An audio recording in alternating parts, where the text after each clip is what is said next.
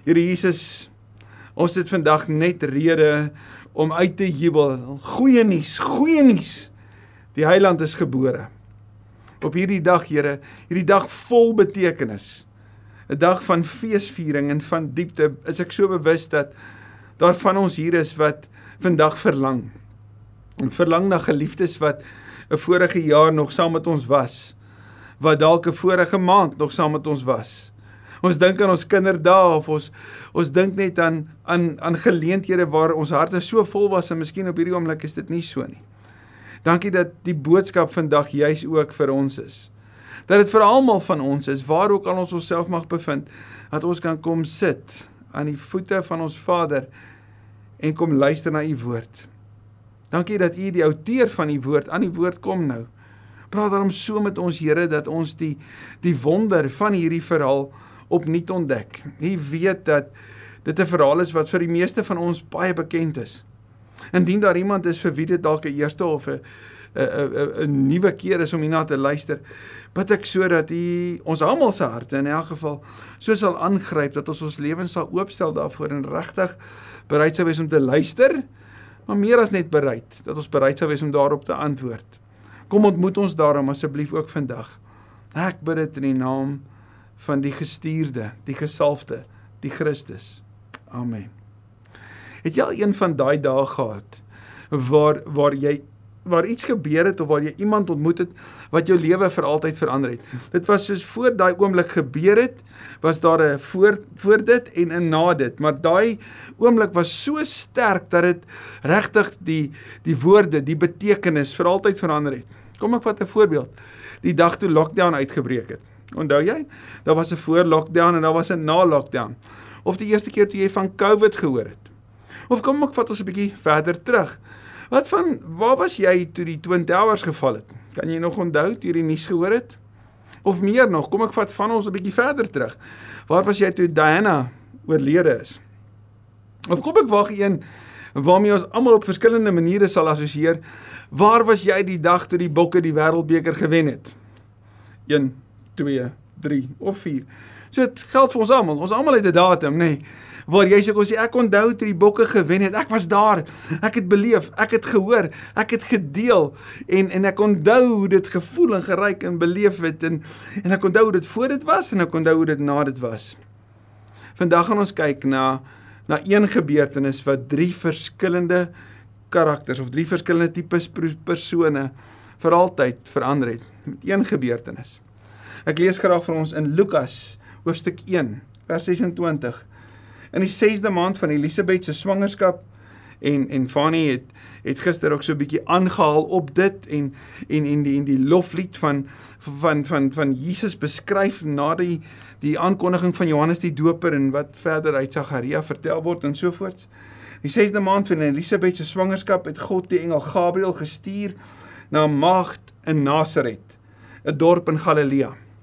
Dit is baie belangrik dat ons net hierdie eerste merker net erken dat die persoon na wie toe weet die engel gaan is die mees onwaarskynlike in die mees onwaarskynlikste dorpie en en dat sy 'n maagd was. Nou sy was 'n Parthenon. En die Griekse woord Parthenon dui op 'n 'n jong dame wat wat na 'n maanstonde, met ander woorde sy sou kon 'n kind kry, ehm um, haarself bevind, maar sy's nog nie iemand gewees wat gemeenskap gehad het met 'n man nie.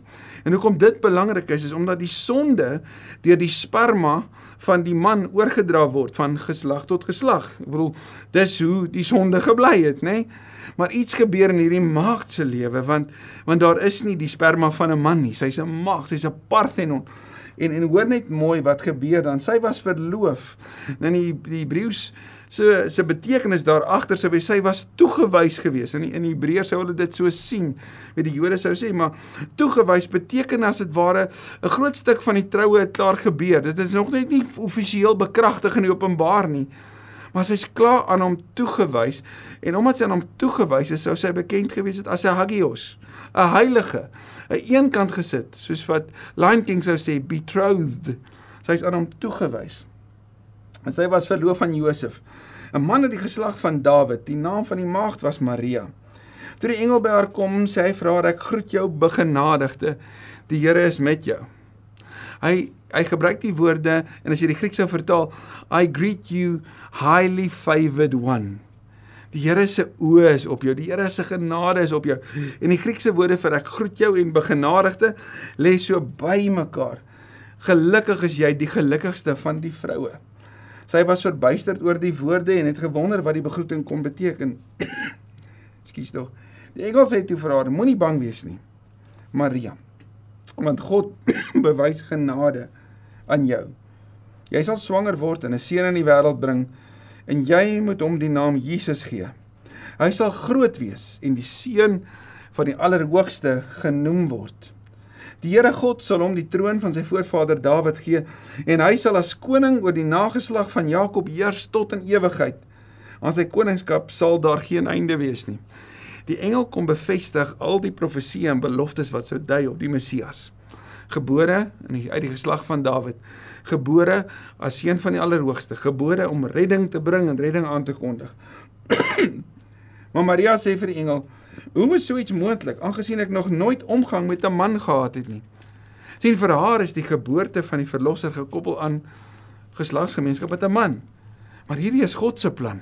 En dit is so belangrik om hierdie deel van die onverwagsheid van God se reddingsplan raak te sien. Die engel sê toe vir haar: "Die Heilige Gees sal oor jou kom en die krag van die Allerhoogste, net soos hy wat die seun van die Allerhoogste genoem word, staan nou die krag van die Allerhoogste sal in jou die lewe kom wek. So dis nie die sperma van die mens wat oorgedra word nie. Nee, hierdie is God gewilde gebeurtenis. God gaan lewe skep in jou baarmoeder. En daai is nie die oordra van die sonde nie. Daarom wanneer Jesus gebore word, soos wat ons dit ook gehoor het gister, is hy volledig God, maar ook volledig mens. Daarom sal die een wat gebore word heilig genoem word, die seun van God. En so anders as sy voorvader Dawid in Psalm 51 wat sê ek was met sonde belaaid toe my moeder swanger geword het, word Jesus met heiligheid belaaid toe Maria swanger geword het. Kyk, 'n bloedverwant van jou, Elisabet, het in haar ouderdom self ook 'n seun ontvang. En sy wat as onvrugbaar bekend was, is nou al in haar 6de maand. En dan hierdie woorde: niks is vir God onmoontlik nie. En Maria se antwoord hierop is is is so 'n antwoord vir jou en vir my want hoor wat sy sê ek is tot beskikking van die Here laat met my gebeur wat u gesê het deur dit te doen sê Maria vir hierdie gebeurtenis met die met die engel gaan iets wat nou van hier af vorentoe gebeur gaan haar lewe vir altyd inkleer maar dit gaan ook haar lewe vir altyd kompliseer want voortaan gaan sy die belewenis hê die intense ervaring van 'n mamma van haar eerstegebore seun en alles wat hy beleef het met die wete dat hierdie 'n begenadigde oomblik is. Maria het verseker 'n voor en na ervaring gehad. Maar dan is daar 'n volgende gebeurtenis wat nie net Maria raak nie, maar wat die wêreld raak en ek lees vir ons in in Lukas 2 vers 1 en daardie tyd het keiser Augustus 'n bevel uitgevaardig. Nou hoekom is dit belangrik? Want Lukas sit 'n pen in die grond. Hy sê dit is histories kan jy dit gaan gaan verifieer. Dis histories betroubaar. In die tyd van keiser Augustus is daar 'n bevel uitgevaardig dat 'n volkstelling gehou word oor die hele ryk. Die Grieks dui eintlik op die hele wêreld, natuurlik oral waar die Romeine geregeer het. Nou hoekom hierdie volkstelling? Aan die een kant sou dit vir die Romeine beteken hulle sou kon seker wees hoeveel jong manne is daar wat hulle sou kon oproep om as soldate in die oorlog op te tree. Maar die Jode was nie wet bestem om in die in die Romeinse weermag te dien nie. So hoekom moet die Jode gaan? Wel, want die Romeine wil weet hoeveel van julle is daar en hoeveel belasting kan ons van julle verwag. Daarom hierdie volkstelling. Jy gaan later na Handelinge 5 van 'n volgende volkstelling lees. Maar hierdie is die eerste een waarvan ons lees in daai tyd. 'n Volkstelling wat wat weet afgekondig word. Eerste volkstelling het plaasgevind toe Sirenius goewerneur was in die provinsie Sirië. Almal het gegaan om hulle te laat inskryf, elkeen na sy eie stad toe. Nou die eie stad beteken die stad van oorsprong van jou familie. Daar waar jou voor voorouers uitkom, jou voorvaders afkom, uit daai stad uit, gaan terug daarheen. Ook Josef het gegaan. Hy het van die dorp Nasaret in Galilea na Judea toe gegaan, na Bethlehem, die stad van Dawid. Dis 'n 140 km ver waarin hy vanaf die noorde in Nasaret moet af met afreis tot in Bethlehem. Nou hierdie is belangrik want dit was 'n ongewilde pad en 'n ongerieflike pad wat Josef aangepak het, maar hoor net dit. Maria, sy verloofde wat swanger was, het saamgegaan om ingeskryf te word. 'n Swanger vrou op 'n 140 km reis. Waarskynlik sy op 'n die dier en hy wat stap. Waarskynlik het ten minste 4 dae reis. Nou ek en jy het mos 'n prentjie in ons kop van hoe dit gebeur het toe hulle daar aangekom het in in in Bethlehem, nê. Nee. Sy was hoogswanger. Hulle het gaan aanklop by die hotelle en en daar was nie plek gewees nie. Toe het hulle maar. Maar dit was nie so nie. Net nadat die aankondiging gekom het, nie lank daarna nie is daar hierdie gebeurtenis vir vir Augustus en sy trawante is dit 'n gebeurtenis vir Romeine maar vir God is dit 'n gebeurtenis in die geskiedenis wat dit vir altyd sal verander.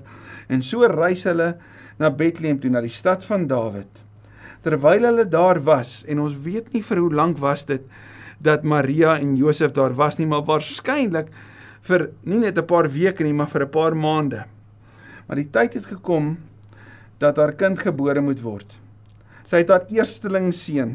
En dit is so mooi hierdie. Vir Maria haar eersteling seun. Maar vanuit Johannes 3 vers 16, God het die wêreld so liefgehad dat hy sy enige gebore seun. So God se seun, Maria se seun. Een mens, Jesus, die Here. Sy het haar eersteling seun in die wêreld gebring en hom in doeke toegedraai. Die die doeke toedraai word in Engels vertaal met swaddling soos hy het hom lekker styf vas toegebind dat hy lekker knus in haar arm sou lê. En wat doen sy toe? Sy het hom in 'n krib neergelê omdat daar vir hulle geen plek in die herberg was nie. Die woord herberg hier is die woord Kataluma. En Kataluma was 'n vertrek gewees wat aan die huis gebou was. In die in die tyd van die Bybel en in die tyd van die arme mense van Bethlehem waarvan daar maar net 'n paar honderd was wat in die dorp gebly het, was daar hierdie hierdie een vertrek wonings gewees. Daarom sal jy 'n lamp aansteek en dit sal vir die hele huis lig gee. Anders is die huise waarin ek en jy woon, nê. Nee. En daaraan was 'n kamer gebou gewees waarin die diere sou bly, die kataluma. Nou, hoogstens as jy vermoond was, sou jy 'n een vertrek woning gehad het met 'n ekstra kamer vir die familie om te bly en dan 'n kataluma. Toe Josef en Maria daar aankom, het hulle nie in die vertrek in beweeg waar die res van die familie sou wees nie. Nee, hulle het in die Kataluma gaan bly, want dis al plek waar daar was. Maar miskien is daar 'n beskrywing hiervan van ons harte dat daar nie plek vir Jesus in ons huis is nie. Dan gaan bly hy in die Kataluma. En wat doen sy wanneer Jesus gebore word?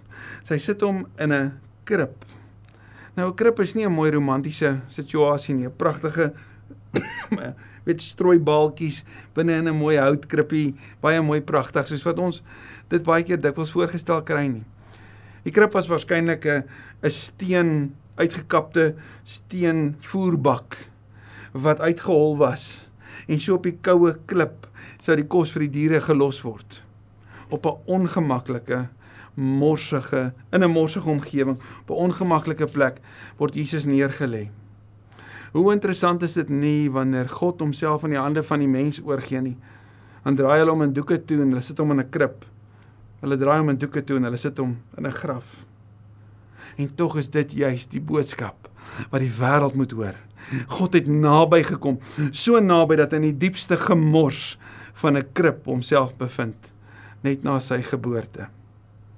Die wêreld is vir altyd verander. In 'n tyd wat daar vertel was dat Augustus die prins van vrede is, word die prins van vrede gebore. Jesus die Here. Ekskuus toe. En dan 'n derde verhaal wat die wêreld ook vir altyd sou verander. Daar was skaapwagters in daardie omgewing wat in die oop veld gebly en in die nag oor hulle skape wag gehou het. Skaapwagters was mense van die veld. Hulle was vuil.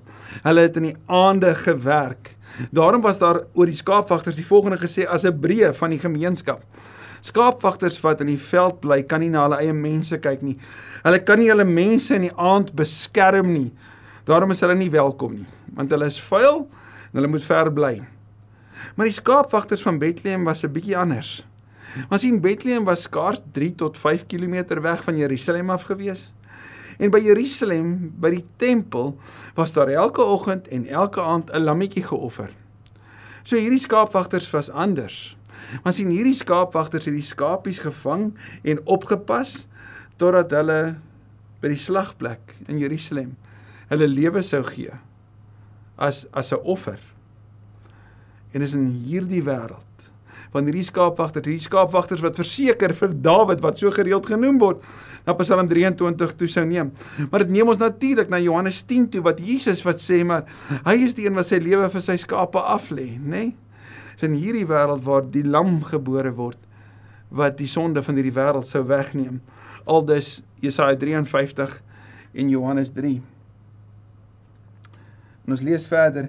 Met een staan daar 'n engel van die Here by hulle. Hierdie keer is die engel by die skaapwagters. En die glans van die heerlikheid van die Here het rondom hulle geskyn. Hulle het baie groot geskrik en toe sê die engel vir hulle: Moenie bang wees nie, net soos vir Elisabet, net soos vir Maria, net so vir hulle. Want kyk, ek bring vir julle 'n goeie tyding van groot blydskap wat vir die hele volk bestem is. Anders gesê, hierdie is goeie nuus vir die wêreld. Vandag is daar vir julle in die stad van Dawid die verlosser gebore, Christus die Here. Drie woorde wat ons verlang mee besig kan wees.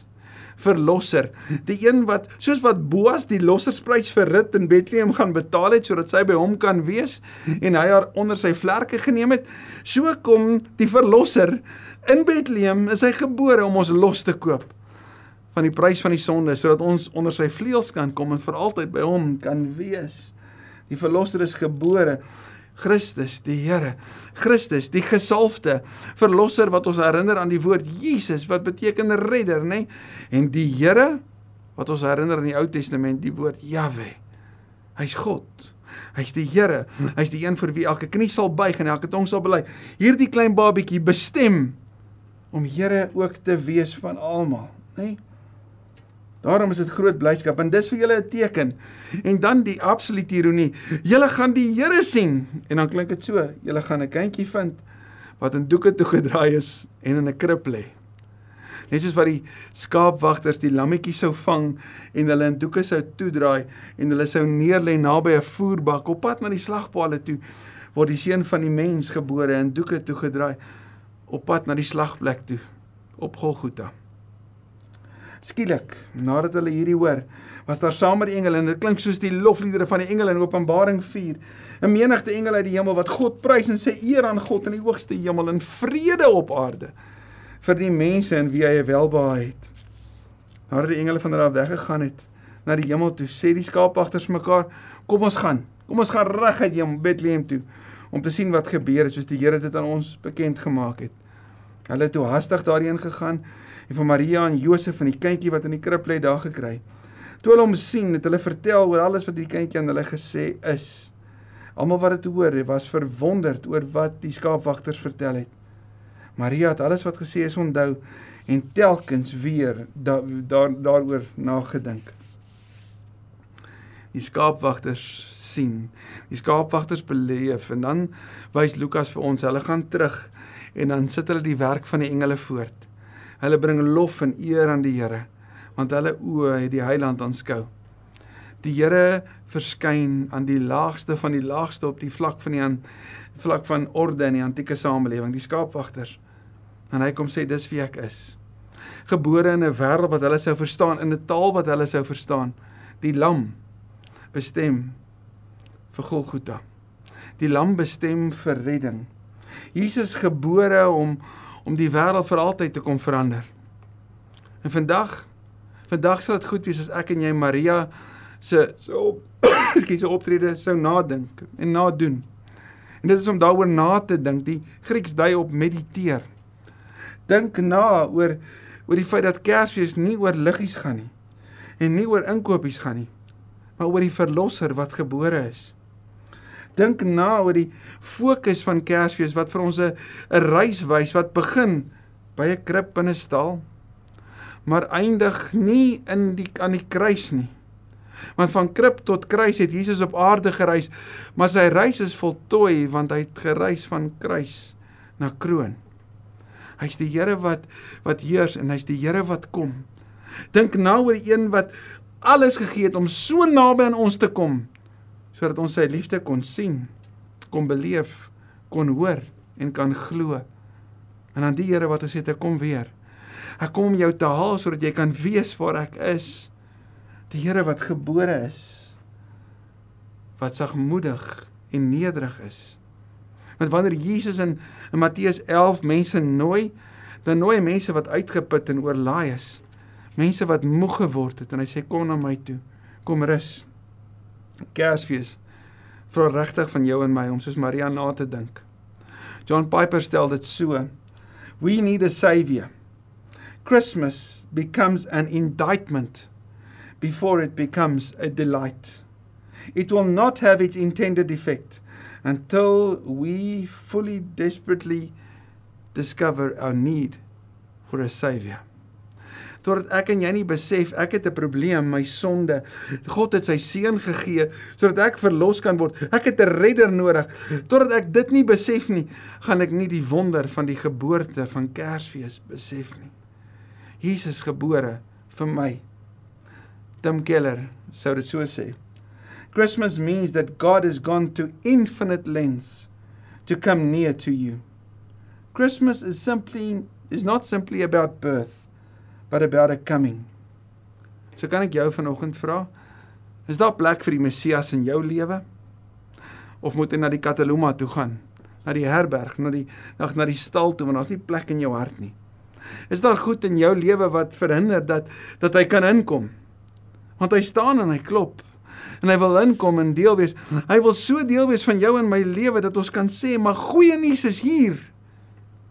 Die oomblik wanneer jou lewe vir altyd sal verander, is die oomblik wanneer jy sê, "Jesus, kom was my skoon." Jesus kom wees die Here van my lewe. Jesus kom vat my hand. Want al is jou lewe in watter gemors op hierdie oomblik al, Die krib sê daar's geen gemors te groot waarvan hy nie deel kan wees nie. Maar voel jy maar maar ek's die laagste van die laagste. Die skaapwagter sê daar's geen laer plek waar jy kan wees waar jy jou nie sal ontmoet nie. Al voel jy ek is die een wat dit die minste sou verdien of by wie mense dit die minste sou verwag. Gaan kyk na Maria. En sy sou sê highly favored one het hy my kom noem. Ja, die Here werk op onverwagse maniere. En Kersfees is goeie nuus. Kersfees is die beste nuus. Maak jou hart oop en ontvang. Ontvang die liefde, ontvang die genade, ontvang die goeie nuus van Kersfees. Amen.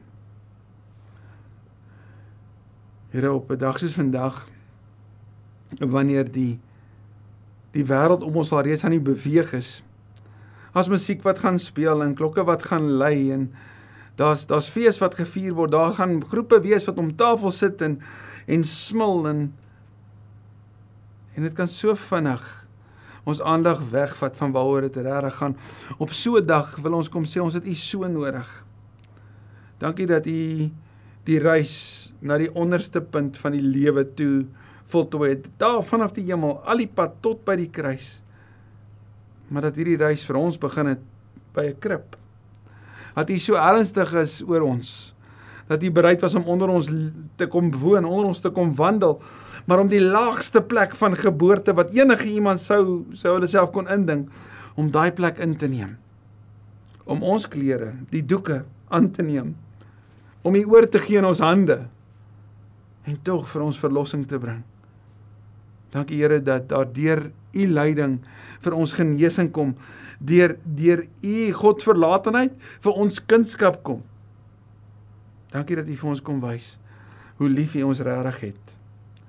Mag ons vandag 'n tree nader gee aan u wat welbaai het in ons. Amen. Amen.